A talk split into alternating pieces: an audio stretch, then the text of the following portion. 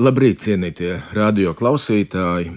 Ar jums kopā ir Gunārs Cēpe, vēsturnieks un brāļa draugs vadītājs. Un šī rīta jautājums ir, vai jūs zināt, kas bija Magdalēna Elizabete von Hallarte un kāda ir viņas loma Latvijas vēsturē? Magdalēna Hallarte bija vidzemniece, Beļaus mužā dzimusi 1683. gadā. Bērnība arī ar latviešiem kopā vadījusi ļoti labi latviešu runāja. Sākoties Ziemeļu karam, viņa zaudēja gan vīru, gan bērnus Rīgā, kad bija lielais mērs. Un otrais vīrs viņai bija ģenerālis Ludvigs Nikolais von Hallards un tādā veidā viņa kļuva par Hallarti un vienīgo sievieti Latvijas vēsturē, kurai pilnīgi oficiāli ir ģenerālienes tituls. Tātad viņa arī parakstās ģenerālina Hallarti parakstās.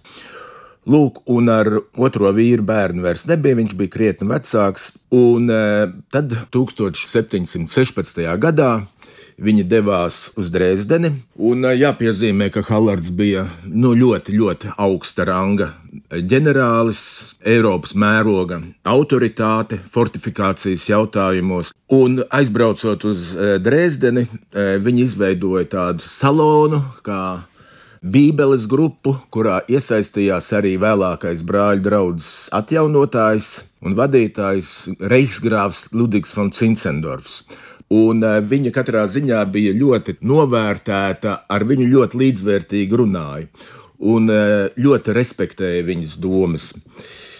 Atbrauc atpakaļ viņi uz vidzemi, un 1725. Eh, gadā viņa kļuva par Valmieru mūžu, mūrmužu, burtnieku un zvārds mūžu rentnieci galveno, un tad arī viņas vīrs nomira, un tā visa milzu pensija, kas bija, tika atraitnēji. Tātad viņa bija ļoti bagāta, ļoti redzama vidzemes aristokrātijā, un viņa aicināja Hernhūtas brāļus, un 1729. Eh, gadā pirmie eh, misionāri ieradās. Tas bija arī Kristians Dāvids, kas pirmais atnāca, un eh, viņi lūkoja, kā latviešus iepazīstināt ar Dievu, ar Jēzu Kristu, jo tas viņam ar pestītāju bija ļoti svarīgi, lai ir personīgas, emocionālas attiecības.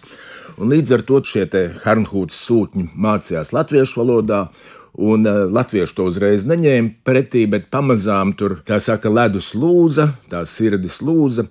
Un, var teikt, 1739. gada vasaras svētkos tas iezīmē tādu milzīgu garīgu atmodu, kas ir viena no lielākajām pasaules vēsturē, un uh, kas nebija tā kā ātri pāriet, viņa kādas piecas paudzes aktuāla bija tātad latviešu dzīvē. Un tas bija tas notikums, kas garīgi izmainīja latviešu tautas likteni, citi ideāli, citi mērķi parādījās, un arī pirmās sabiedriskās organizācijas Latvijas brāļu draudzes. Un kas mainījās sabiedrības dzīvē? Var teikt, viss mainījās tā kā no zemes cilvēka par debesu cilvēku. Mērķi, ideāli, praksē tas bija, ka krogi tiešām tukši bija. Aprakstīts ir, kā zemnieki nes ar asarām, atdod kaut ko nozagto mūžā, kas ir nozagts. Un tas ļoti masveidīgi bija, bija tūkstošiem cilvēki, un tas notika viņas īpašumā. Tas sākās tur, Valmierā, Jērakalnā kas ir pilsētas centrā. Tagad tā vieta ir pretī vidzemes augstskolai. Un viņa deva naudu, nopirka zemi, lai to garīgo centru, jēra kalnu uzbūvētu ar tādu lielu, lielu zāli uz tūkstošu vietām. Pirmo garīgo semināru atklāja 1738. gadā, 23. augustā. Un no turienes nāca tie pirmie skolotāji, kas arī visu 18. gadsimtu pēc tam tieši kā skolotāji darbojās. Un viņa ir tā, kas ļoti atbalsta, viņa tiešām no sirds mīlēja mūsu tautu. 1742. gadā pirmās brāļu draugs tika dibināts, kur arī viņi klāt bija un piedalījās. Un jau 1743. gada aprīlī eh, brāļu draugs tika aizliegta Krievijas impērijā seminārs, jēra kalns, viss slēgts, dziesmu grāmatas atņēma nost, un tādā veidā šī kustība aizgāja pagrīdē. iekustināti latvieši bija.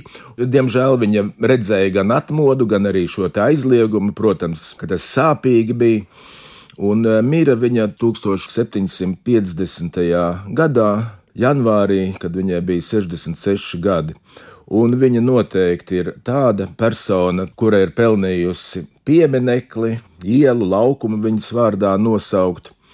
Jo šī Eiropas mēroga eh, Baltvāciete Magdalēna Elizabete von Hallarte bija tā, kas savu sirdi veltīja, lai latviešiem dāvātu un vestu primāri pie dieva, bet līdz ar to tas ir apgaismības laikmets, un tieši šajā laikā nāk tās daudzās mūsu identitātes un pat tradīcijas nāk no šejienes, ieskaitot pat muzikālo tradīciju un vai dziesmu svētkus. Nu, ļoti daudz kas ar brāļu draugu saistās arī arhitektoniskās izpausmes, un viņa bija tā, kas ļoti nesautīgi nežēloja naudu gan druku darbiem, dziesmu grāmatām, igauņu bībelei.